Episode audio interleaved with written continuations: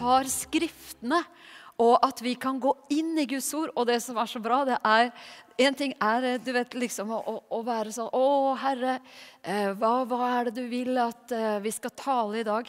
Men, men, så er det noen ganger hvor det kommer til deg på forhånd i lang tid. Så kommer det så går du og grunner på, på ordet. Og, og, sånn har det vært for meg nå, at jeg har et budskap i dag som jeg har kjent at jeg har gått med over tid nå. Og bare går, har gått sånn og grunnet på det her ordet.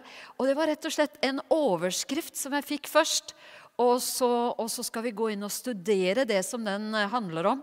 Men det var rett og slett bare de her to ordene. Forbli trofast. Og det her har bare vært å, forbli trofast. I den tiden vi er inne i nå, så er det et ord til oss. Forbli trofast i det skjulte, i det synlige. Når, når, eh, når det er liksom uh, ulike ting som hender, ulike hendelser, ting du står oppi, ting du kommer oppi. Forbli trofast. Og skal ta, Jeg skal gå gjennom en hel del ord. Eh, du som kjenner meg godt, du vet at, eh, at, når jeg eh, forkynner her i Jesus Church Jeg bare elsker å gå inn og ta for oss ord. Du, du vet, det, det, er jo klart at Når vi underviser på TVBMI, så har vi jo en enorm mulighet til liksom, Vi går inn i de greske ordene, og vi holder på, og vi, og vi liksom studerer, og vi gransker Skriftene, og vi har god, god tid. Og du vet, På en søndagsgudstjeneste gudstjeneste så går det, går det, mye fortere for seg ikke sant? fordi vi har begrenset tid. Men det som er eh, liksom en fordel, da, det er at eh, jeg får gjøre du vet, Vi hadde i sin tid Ingrid Espelid vet du, i Norge. Og hun var liksom sånn Ja, vet du, nå vet du, når hun var på kjøkkenet der, vet du, så liksom gikk det så greit. vet du, hun bare, det bare, Rettene bare de fosset fram der, liksom. For at hun var liksom Jeg har gjort litt på forhånd, vet du. Så det har jeg også gjort nå, så at vi skal kunne gå inn i mange eh, sånne dypdykk og, og, granske dette ordet om å forbli trofast. Så jeg skal rett og slett gå inn i det, og så, og så får vi tekstene som jeg leser, opp på skjermen i den grad vi klarer å, å, å få de med oss. Vi har veldig gode folk på skjerm. da. Kjempebra. Og på lyd, kameraer Yes, everybody. Så godt å stå sammen og tjene Herren. Men jeg skal bare gå inn i det her ordet. Er ikke det her godt? Smak på det her ordet. Forbli trofast. Og trofast, det ordet der Hvis du bare tenker på det ordet, så er det liksom trofast. Altså å være tro og være fast hvor vi trenger det i samfunnet vårt. ikke sant? I våre liv, i, i alt vi står i. Trofasthet, og det skal vi snakke om i dag. Ok, du vet eh, I første Korinterbrev, kapittel 1 og vers 9, så begynner det med en gang. Vi skal ta det første først. fordi du vet, Når vi har et så godt ord, da, trofast, så vet vi det begynner hos Gud. Trofasthet starter hos Gud. Det går ut fra Gud. Og gjennom det så begynner også Gud å akte mennesker trofaste og hjelpe mennesker inn i trofasthet. Vet du, Vi er skapt i Guds bilde, så vi starter hos Gud. Og Gud er trofast. Første Korinterbrev 1,9 sier Gud er trofast. Han som kalte dere til samfunn med sin sønn Jesus Kristus, vår Herre. Hvis du tenker på hva er mitt kall, hva er det jeg egentlig er kalt til? Jeg er kalt til samfunn med Jesus Kristus, vår Herre. Det er det Gud har kalt meg til. Samfunn med Han. Så han er trofast. Salme 146 og vers 6 sier han som skapte himmel og jord, havet og alt som er i dem. Han er trofast til evig tid. Til evig tid er Gud trofast. 1. Tesaloniker 5,24 sier han er trofast som kaller dere. Han skal òg gjøre det. Han er trofast. 1. Johannes 1,9 sier Dersom vi bekjenner våre synder, er Han trofast og rettferdig, så Han forlater oss syndene og renser oss fra all urettferdighet. Folkens, hør på det her.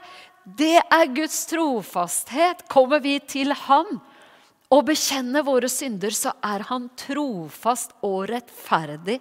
Så Han forlater oss syndene og renser oss fra all urettferdighet. Bibelen slår fast den trofastheten der, den står til evig tid. Gud er evig trofast.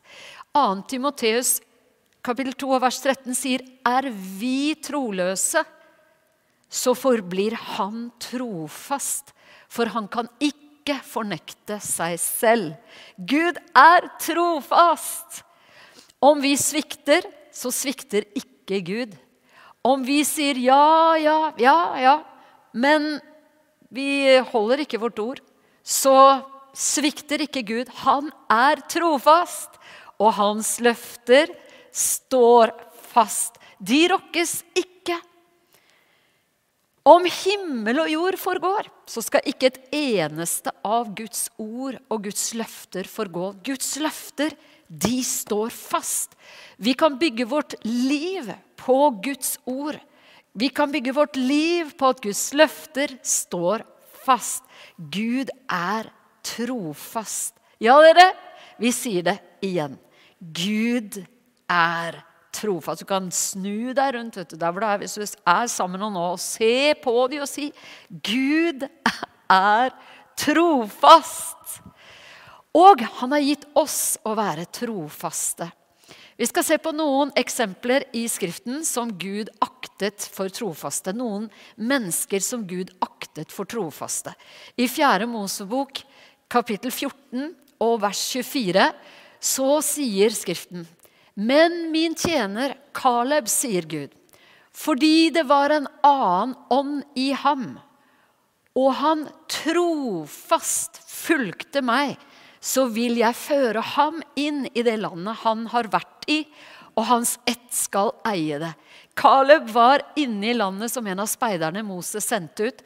Han kom tilbake med en god rapport og det var ikke det at han ikke så kjempene som var i landet. Det var ikke det at han ikke så utfordringene der. Han så det alle de andre også så.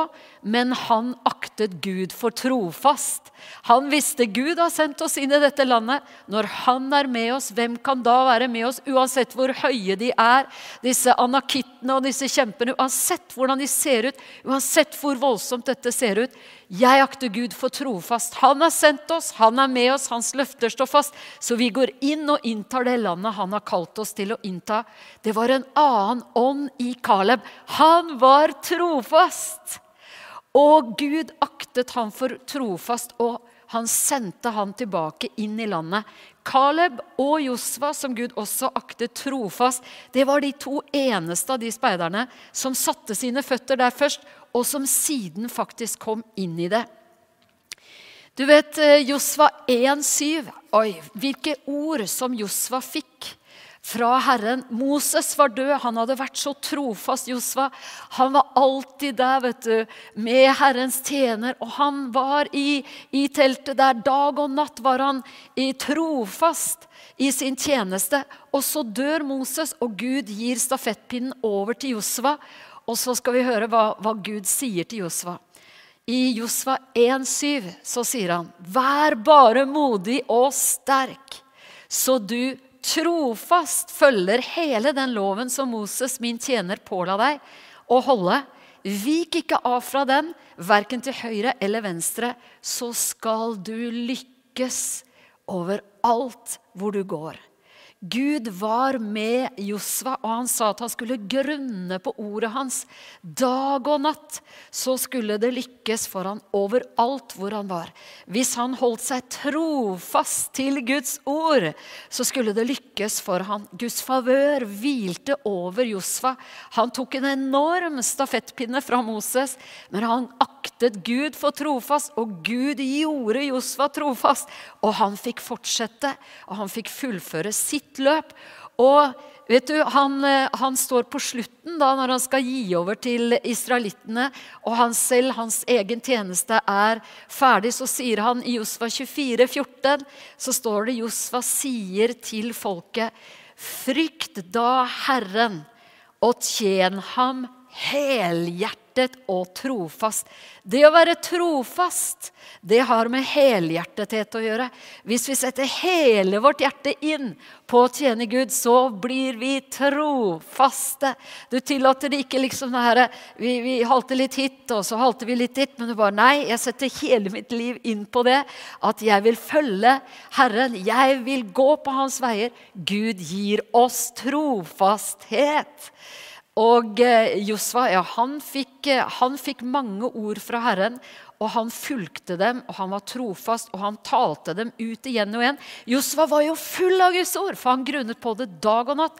Så han hadde, hadde, hadde det her over seg at han igjen og igjen, når han møtte folket, så satte han mot i dem igjen og igjen i kritiske situasjoner.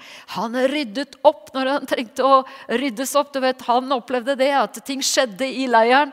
Og han søkte Gud og kastet seg ned for Herren. Og Herren sa nei, Josva, nå kan du ikke ligge her og søke meg. Nå må du gå inn og tale med folket. Og Josfa var så full av Guds ord, så da han kom og stilte seg fram foran folket, så var det Guds ord han talte, og det satte Guds ord inn i det folket han tjente. Og de fikk gjort det de skulle gjennom utfordringer, gjennom kamper osv. Abraham var trofast. I Nehemja 9,7 så står det et spesielt vers. Der taler de, vet du, og, og for, en, for, en, situasjon de er i der når dette refereres i Nehemia. Helt voldsomt. altså De står og de taler til folket, og de går igjennom historien. Og så sier de at 'du er Herren Gud' som valgte ut Abram, som førte ham ut fra Ur i Kaldea og ga ham navnet Abraham. Du fant at hans hjerte var trofast mot deg, og du sluttet en pakt med ham. Vet du, Gud aktet Abraham for trofast. Han kalte Abraham sin venn, og han bestemte seg. Denne mannen er trofast. Jeg skal slutte min pakt med han. Og gjennom Abraham så ble du og jeg velsignet og fikk komme inn i denne pakten som Gud gjorde med Abraham, som kom over i Kristus. Og der er vi, og vi er Abrahams barn. vet du. Altså det, det, det, det her er jo en, et kjempetema, men vi bare, vi bare toucher det her med denne pakten som vi er i med den levende Gud. Sara aktet Gud for trofast. Hebreerne 11, 11 sier ved tro fikk også Sara kraft til å bli mor for en ett, og det til tross for sin høye alder, for hun aktet ham trofast, som hadde gitt løftet. Vet du, hvis Gud har sagt noe, så står han for det. Og han inviterer oss til å ta ham på ordet. La oss være sånn som Sara, som bare fikk denne kraften igjennom at hun aktet Gud for trofast. Hun visste hun hadde fått et løfte fra Gud, og hun visste han som har gitt meg løftet, han er trofast. Gjennom det fikk hun kraft til å se løftene oppfylt. Vet du, Når vi vandrer i trofasthet Det begynner hos Gud. Vi lar oss fylle av det. Det er En av åndens frukter er trofasthet. Så akter vi Gud for trofast. Vi lever i den pakten med Gud, og vi får se løftene oppfylt mot alle odds. Ingenting er umulig for Gud. Hvis Gud har gitt deg et løfte, så gjør vi som Sara. Gud, jeg akter deg trofast. Du er i stand til å oppfylle dette løftet. Det skjer ved Gud. Maria hun sa skal, jeg tar imot det, at det skal skje ved Den hellige ånd. Hun aktet Gud trofast. La oss bare se også inn i Det nye testamentet på mennesker der som omfatt, bare omtales som trofaste. Hør på det her. Kolosserne 1,7. Slik har dere også fått lære det av vår kjære medtjener Epafras, som er en trofast Kristi tjener for dere. Dere er ikke det her godt. Vi taler om å forbli trofast. Han var en trofast Kristi tjener, og han var det for dem. Han var det for menigheten. Vi, vi, vi, vet at uh, Gud ser etter mennesker som er helt med han i sitt hjerte. og Han fant Epafras, og han var en trofast tjener for Jesus, for de andre. Kolosserne 4,9 sier, 'Jeg sender Onesimus til dere', sier Paulus, 'vår trofaste og kjære bror, som er en av deres egne'. Efeserne 6,21 sier, 'For at dere også skal få vite hvordan jeg har det, og hva jeg gjør', skal Tykikus fortelle dere alt. Han er vår kjære bror og en trofast Herrens tjener. Åh, det her å, det her har vi virkelig lyst til å være. Hva? Trofaste Herrens tjenere. Og menigheten leser vi i Det nye testamentet om at menigheten var trofast. Tenk på hvordan det var for dem når, når, eh, de opplever at Jesus Kristus, som de følger, og de tenker han nå, skal han, nå skal han ta over. Nå skal vi få se det her som vi har drømt om. Han er kongen, han er kongenes konge. Å, nå skal det gå oss vel, og vi er i hans, vi er hans nærmeste. Oi, oi, oi. Og så begynner han å tale om at han kommer til å gå til kors osv. Og, så og de, Peter sier til meg nei, nei, nei, det må ikke skje deg. Det, det må vike fra deg, det der. Og, og Jesus irettesetter Peter, og det må ha vært en enorm kamp for Jesus. Den vandringen han gikk der, og han skulle gå til korset. Tenk på dem! De så han som de tenkte skulle være, det var redningen. Han så dem korsfestet. Og han døde, og han ble begravet. Tenk hvordan det var for dem, hvordan de hadde det, hva de tenkte. Åh, de, vi, vi, kan bare forestille oss den motløsheten og den frykten som de opplevde. Så opplever de altså det at han kommer og står sammen med dem igjen. De møter han. Han kommer gjennom stengte dører, og han er sammen med dem. Han er trofast. Han kommer tilbake til dem, han underviser dem om Guds rike i 40 dager. Og de tenker nå har vi i hvert fall, nå har vi han i hvert fall her. Nå, nå tar det i hvert fall over her. Men så står de sammen med han, og så ser de at han løftes opp for deres øyne. Det har vært et utrolig øyeblikk. Tenk deg det liksom Herre, du, du, du var her. Du, du, forsvant fra oss. Du kom tilbake. Men i alle dager, hva skjer nå? Og det er noen engler der som har kommet og trøster dem og sier til dere sånn Dere, dere behøver ikke å stå her og se, se oppover videre nå, for det er sånn som han har gått bort, sånn kommer han til å komme tilbake til dere. Men nå, er det, nå får dere stafettpinnen. Nå, nå gjelder det for dere. Og det de gjorde da det var at det, det står i apostlenes gjerninger 1,14. Nå gjør de det som Jesus sa til dem. Og de aktet ham for trofast. De tenkte nå, nå må vi holde fast på det han sa. For dere skal få kraft når Den hellige ånd kommer over dere. Og dere skal fortsette, og dere skal være mine vitner. Så Jesus har gått bort, og nå har de samlet i bønn, for han sa dere skal få de, det som er gitt som et løfte. Jeg må gå til Faderen, sånn at dette kan utøses over dere. Og dere kan få en annen ånd, Den hellige ånd.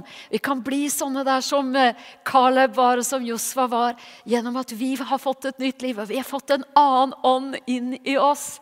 Så det som står her i Apostelens gjerninger 1,14, det er alle disse holdt trofast sammen i bønn. De var trofaste i bønn, og de var sammen. Og det gleder vi oss til, at vi kan være sammen igjen. Men nå må vi bare holde ut i dette og forbli trofaste nå. Midt i det vi står i nå.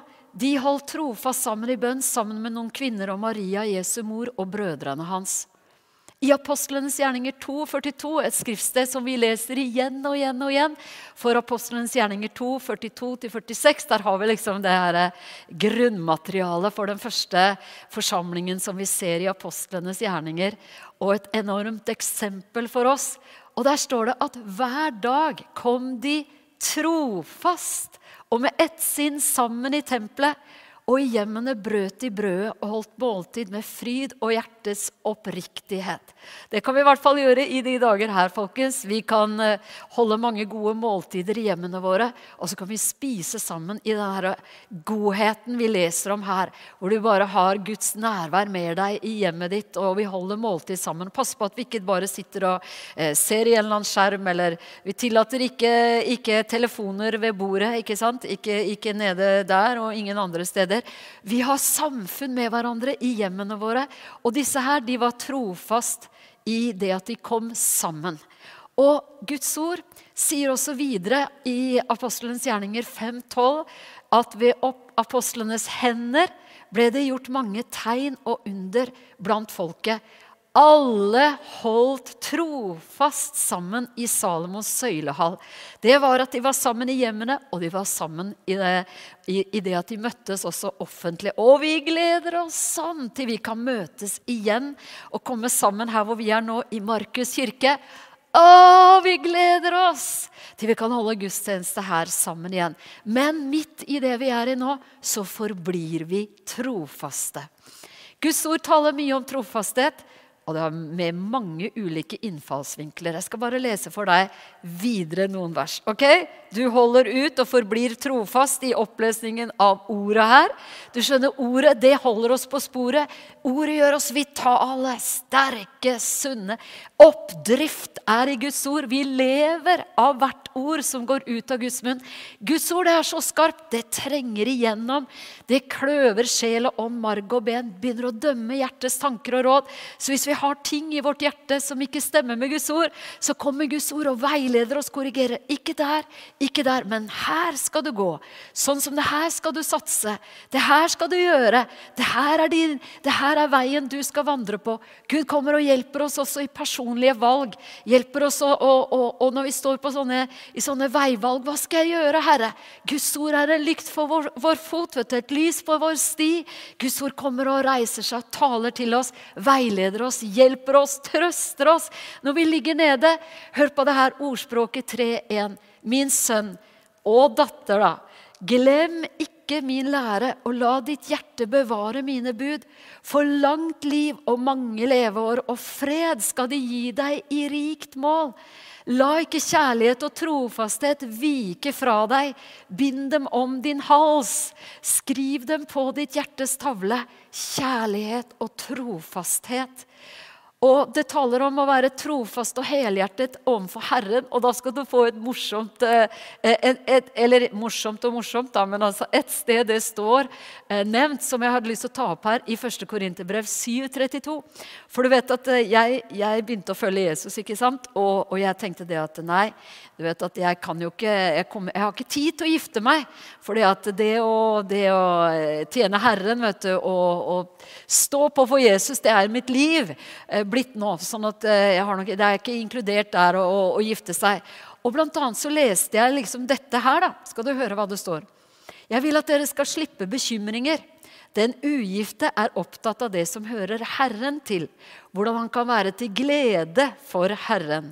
Men den som er gift, er opptatt av det som hører verden til, hvordan han kan glede sin kone. Oi, Å, det er godt at Stefan er her i dag, du. Wow, wow, wow, wow. Og så blir sinnet delt. Den ugifte kvinnen og den unge jenta er opptatt av det som hører Herren til, så de kan være hellige både på kropp og sjel. Men den gifte kvinnen er opptatt av det som hører verden til, hvordan hun kan glede sin mann. Amen. Jeg sier dere til deres eget beste, ikke for å legge bånd på dere, men for at dere skal leve sømmelig og holde dere trofast og helhjertet til Herren. Så her kommer også det med å være trofast og helhjertet til Herren. Men jeg har også leste det skriftstedet her. da. Og så, så tenkte jeg ja, det, det, har jo nok av bekymringer eh, som det er. liksom, og står jo skikkelig på her for å ha et herlig liv. Jeg, ikke, jeg, skjønner jo at det blir enda flere byrder da, hvis man gifter seg osv. Så videre. så jeg, og dette skjønte en av pastorene i menigheten jeg gikk i. vet du.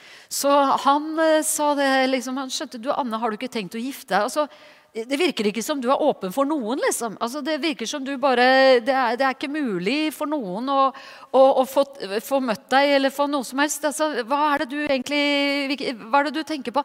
Nei, du skjønner, jeg har lest i 1. Korinterbrev 7 vet du, at det, det blir så mange bekymringer av å gifte seg. Og, og nei, han, Paulus råder ikke til det. Så, og da sa han det til meg. vet du. Det der, Anne, det skal jeg bare si deg. altså. Det sa Paulus i et anfall av depresjon. Så, Så han sa at det der må du bare glemme. han. Det er klart du skal gifte deg. Så det, vet du, det er godt å ha pastorer altså, som kan fortelle henne hvor saken står. Jeg er jo veldig glad at jeg er gift med verdens beste mann. I him. Eh, Stefan Kristiansen. Fantastisk. Ja, men vi går videre, vi. Og så skal du bare høre her ordspråket 1113 om trofasthet i relasjoner og vennskap. Den som går omkring og baktaler, åpenbarer hemmeligheter. Men den som er trofast i ånden, skjuler saken. Trofast i ånden, det ønsker vi å være. Sånn som ikke åpenbare hemmeligheter, ikke baktaler, men bare er trofast i ånden og bevarer hemmeligheter. Skjuler saker som skal holdes skjult. Står sammen i tykt og tynt med venner som går igjennom ting, og venner vet det her er en som er trofast i ånden. Om trofasthet i givertjenesten sier 2. Korinterbrev 9,10.: Han som gir såkorn til den som skal så, og brød til å spise, han skal også gi dere rikelig av alt, så dere gjerne vil gi. Herren vet det, vet du, at hvis du gjerne skal gi, så trenger du litt, eh, og du må ha litt å gi, ikke sant? Sånn at du gjerne vil gi, og så skal takken stige opp til Gud når vi overbringer gaven. For denne tjenesten, denne gudstjenesten, er ikke bare en hjelp for de hellige i deres nød. Den skaper også en overflod av takk til Gud. Når dere trofast har fullført tjenesten, vil de prise Gud fordi dere var lydige og bekjente dere til Kristi evangelium og helhjertet delte med dem alle. Trofasthet overfor det å dele av det vi har. Vi hørte Roslyn her eh, fortelle eh, når jeg, har, jeg, driver og forbereder den her eh, JK Nordisk 2021. vet du. Og Min kjære venn Roslyn er en av de talerne som står sammen med meg i den konferansen. Og jeg hørte henne fortelle at uh, hun har fått, fått, et ord fra Gud om at uh, hun måtte ha en egen konto som bare gikk ut på å Unnskyld. Ikke lett å hoste med den her. Det går bra. Vi er på her igjen. At hun hadde en sånn egen konto hvor hun skulle bare sette til side for å hjelpe andre, hjelpe venner osv i den tiden vi er inne i nå. Det å helhjertet stå sammen og være trofaste i givertjeneste, det sier altså Guds ord, det er en gudstjeneste. Og Guds ord legger ikke skjul på at kampen om trofasthet den møter hver eneste en av oss. Guds ord snakker om fristelser til å oppgi sin trofasthet. Vet du, vi vet at vi har snakket om ekteskapet her. vet du, og I, i vielsesritualene vet du, så ligger det inne å forbli. Vil du bli forbli trofast hos ham i gode og onde dager? Vet du, Det her løftet om trofasthet, det vet vi. Og det prøves, og det testes. Men Gud skal hjelpe oss å forbli trofaste mot våre løfter. Guds ord taler klart og tydelig og dessverre så ser vi også at Guds ord åpenbarer tragiske eksempler på mennesker som ikke forble trofaste. Vet Vi snakket om Josva og Caleb, at de var de eneste to som kom inn i landet. Salme 78, 8 sier de skulle ikke bli som sine fedre. Altså Gud trengte en ny generasjon som var oppsetsig og, en oppsetsig og gjenstridig slekt. En slekt som ikke gjorde hjertet fast, og som ikke var trofast mot Gud i sin ånd. Hva står det om her? Det åpenbarer at vi har valg. Vi kan gjøre hjertet fast, sånn at vi er trofaste mot Herren i vår ånd. Midt i den tiden vi er nå, så trenger vi akkurat det. Gjøre vårt hjerte fast. Jeg skal holde fast på gudstjenestelivet, jeg skal holde fast på Guds ord. Jeg skal holde fast på relasjoner med andre. Jeg skal gå gjennom denne tiden og forbli trofast. Vet du, Salomo det er et tragisk eksempel. Det er nesten helt utrolig å tenke på hva som skjedde med Salomo. Han var den viseste av alle. Som, som, kjente Gud. ikke sant? Han, var, også, han, visste også at han var elsket av Gud høyere enn en alle mulige eh, altså, altså, Han var liksom han, han visste at han var, han var, elsket av Gud. Han elsket Gud. Gud hadde gitt han enorm visdom. De kom langveisfra for å høre på det han sa, fordi han var koblet med den levende Gud i sitt hjerte, i sitt indre.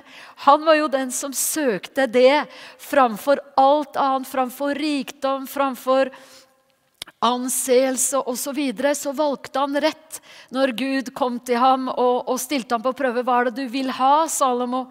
Men vet du, han falt fra Herren.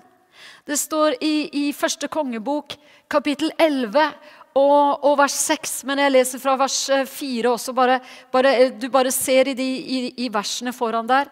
Da Salomo ble gammel, vendte konene hans hjerte hjertet hans til andre guder. Vet du, Salomo begynte å ofre til andre guder.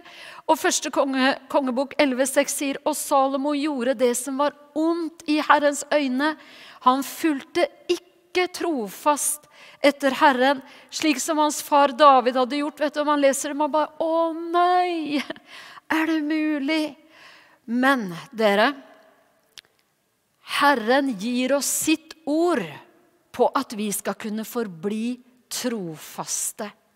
Om vi opplever fristelser, motgang, prøvelser, tester vi tynges, vi, vi, vi opplever eh, at, at vi, vi, blir motløse. Det, vi synker hen i fortvilelse. Hva det enn skulle være fristelser som kommer imot oss, så har Gud gitt oss sitt løfte. 1. Korinterbrev 13 sier dere har ikke møtt noen fristelse som mennesker ikke kan tåle. For et oppmuntrende ord til oss! Og Gud er trofast.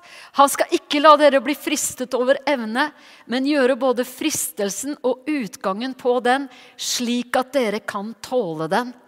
Vi skal ikke møte noen ting vi ikke kan komme oss igjennom. Med Guds hjelp skal vi komme igjennom og forbli trofaste. Hebreerbrevet forteller oss om hvordan Jesus ble oss lik. Han ble oss lik i det å bli lik oss som mennesker for at han kunne være en trofast ypperste prest for oss som har samfunn med oss i våre lidelser. Hvis du går igjennom lidelser, prøvelser, tester, kanskje midt i den tiden her du også føler deg ensom, forlatt, det er krevende, du står oppe i ulike typer av ting, så vet du Jesus vet han vet hva det er å gå gjennom prøvelser og lidelser. Han vet hvordan det menneskelige livet er. Og Hebreerne 2,17 sier at han i alle ting måtte bli sine brødre lik, for at han kunne bli en miskunnelig og trofast ypperste prest for Gud til å sone folkets synder. Hebreerne 3,1 sier Derfor, hellige søsken, dere som har fått del i det himmelske kallet, se på Jesus, den utsending og øverste prest som vi bekjenner. Han var trofast mot den som innsatte ham, slik Moses var trofast i hele Guds hus. Men Jesus ble verdig til å få større ære enn Moses, slik den som bygger et hus, får større ære enn huset. Et hus må jo alltid være bygd av noen, men Gud er den som har bygd alt. Moses var trofast som tjener i hele Guds hus for å vitne om det som en gang skulle forkynnes. Men som sønn er Kristus satt til å styre hans hus. Og hans hus er vi, så sant vi holder fast på frimodigheten og det håpet som vi er stolte av. Jesu navn er trofasthet. Åpenbaringen 1911 sier, og jeg så himmelen åpen og se en hvit hest, og han som sitter på den, heter trofast og sannferdig, og han dømmer og strider med rettferdighet. Du det er ikke uten grunn vet du, at vi taler om prinser på den hvite hest, at det skal være hvite hester disse karene kommer ridende på. ikke sant? Det er jo fordi at Herren vet du, han er forbilde i alle ting. ikke sant? Han rir en hest som er hvit, vet du. og hans navn er trofasthet. Så når du ser de kommer ridende på en hvit hest, da vet du de er i ledetog med det, det der, da, da vet du at nå gjelder det å følge med. ok? Så skal jeg bare dele med deg her nå, mot slutten her nå så skal vi gå inn og så, Når vi har studert Guds ord i tro, om trofasthet, og vi holder på med dette, at det skal ringe på innsiden av oss i den tiden her. Jeg skal forbli trofast. Så skal vi se hva sier studiebibelen at det ordet 'trofast' betyr. For du vet at det, det fins en, en, eh, måte vi kan studere Bibelen på når vi går inn i den greske teksten som Nytestamentet finnes på. Så kan vi se liksom inn i de greske ordene. Hva betyr trofasthet? Og det ordet 'trofast' det henger sammen med ordet 'tro', ikke sant? Eh, og jeg skal ikke prøve meg på å uttale det ordet på gresk, altså, men nå skal du få høre hva det betyr. Hør på det her. Det betyr å være troverdig, pålitelig, til å stole på. En som samvittighetsfullt utøver sitt verv. En som ikke svikter. Som ikke er lunefull og uberegnelig. Vet du, disse ordene her, det trenger vi hva? Vi trenger dette inn i vår karakter. Og gjennom å vandre i Den hellige ånd og være villig til å la Gud få rom i våre liv til å korrigere oss, forme oss, danne oss, så kan Guds trofasthet prege oss mer og mer. Hele samfunnet vårt nyter godt av mennesker som er trofaste. Første Timoteus 1,15 sier også Paulus sier der at eh, evangeliet er et trofast Altså det er et, det er et ord vi kan akte trofast. Fullt verdt å motta er evangeliet. Det ordet betyr det å tro. Det betyr å være tillitsfull. Det er altså noe, sier studiebibelen, som faller naturlig for den som selv er troverdig og sann tvers igjennom. Galaterne 5,22 har vi nevnt. Åndens frukt er trofasthet. Vi er i en spesiell tid, og vi har dette ordet 'å forbli trofast'. Når mennesker ser meg, når ingen ser meg. Josef han var trofast mot sine overbevisninger når han ble virkelig testet og prøvet. Tenk hvor lett det hadde vært for han å bare underkaste seg den situasjonen han var i. Bare for å tenke det at hvis jeg gjør det her nå, så er det klart at eh, jeg kommer til å bevare eh, posisjonen jeg har her nå. Hvis jeg bare legger til side mine overbevisninger og går inn i dette her. Vet du, Han var trofast. Han visste det her kan helt sikkert, han visste hvor lunefull den damen der var. Og skjønte at gjør ikke jeg det hun vil, så hun, kommer hun helt sikkert til å henge meg ut. Og gjør, sørge for at uh, det blir veldig vanskelig å være meg. Men han var trofast. Han var trofast mot Gud. Han ble sendt ned i fengselet. Han var trofast der, og Gud velsignet han. Vet du, Trofastheten som var i Josef, og det at han bevarte sitt hjerte overfor den levende Gud og overfor sine overbevisninger. Der i mørket, down in the pit, så var han den samme. Han endret ikke karakter. Han var ikke en når han var høyt opphøyet, og en annen når han var langt nede. Han var den samme. Og Sånn kan du og jeg være fordi Gud virker trofasthet i oss. Daniel og vennene hans de var trofaste når de ble satt på prøve. Og de ble virkelig testet. Fall ned og tilbe når dere hører denne lyden. Så skal alle i landet bøye seg for denne statuen som er reist.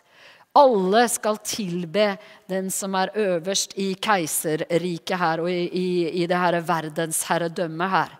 Og den som ikke gjør det, han skal eh, kastes til ilden, han skal kastes til løvene. De ble prøvet på alle mulige måter, men de sa, 'Vi kommer ikke til å vike fra den troen som er plantet ned i oss.' 'Og om Gud velger å fri oss ut av det, så får det bli opp til Herren.' 'Vi går rett inn i det uansett.' Så får han gjøre med oss som han vil, men vi svikter ikke Herren. Vet du, Jeg har eh, mange ganger referert til Frelsesarmeens grunnleggere og kommer til å gjøre det igjen og igjen. Og igjen. Og deres barn vet du, de klarte å overlevere det som bodde i dem, til neste generasjon. Og de hadde åtte eh, barn, det her eh, pionerparet der.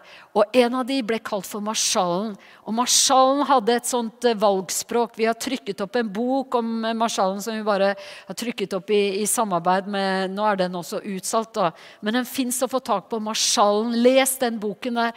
Og hun gikk på igjen og igjen, og hun sa til Herren når hun sto overfor de mest krevende situasjoner, så sa hun, 'Du svikter ikke meg, og jeg svikter ikke deg.'